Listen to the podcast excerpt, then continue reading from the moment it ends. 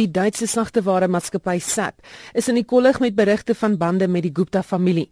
Die Sentrum vir Ondersoekende Journalistiek, Amambungani, berig op sy webwerf dat SAP die invloedryke Guptas ingespan het om 'n kontrak wat sowat 100 miljoen rand werd is met Transnet te verseker.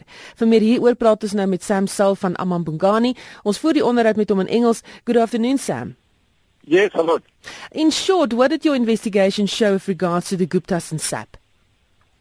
Okay, it shows that uh, SAP was very keen to get uh, contracts uh, with uh, Transnet.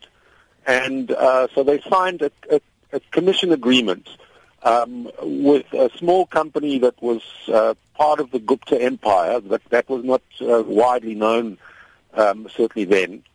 Um, and they agreed to pay this company a 10% sales commission for any contract was received worth more than 100 million rand. Um, and they, they agreed to do this despite the fact that this small company specialized in, in, in selling um, uh, 3D printers. Um, it had no expertise in, in, in selling uh, SAP uh, software. It had no uh, connections that had never done any business before with, with Transnet, etc.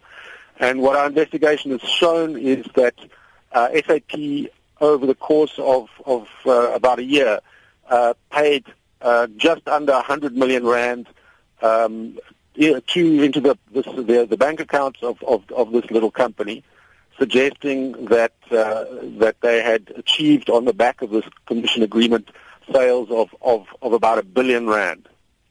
Um, the so-called Gupta leaks are revealing more and more information on prominent people and companies. Um, is the end in sight, or should we expect more revelations?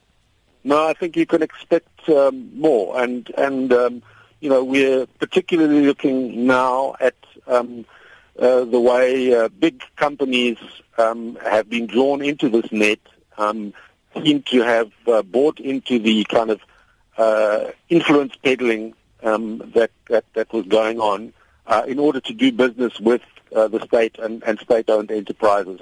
That's certainly what this SAP deal looks like although SAP have denied that there's anything untoward.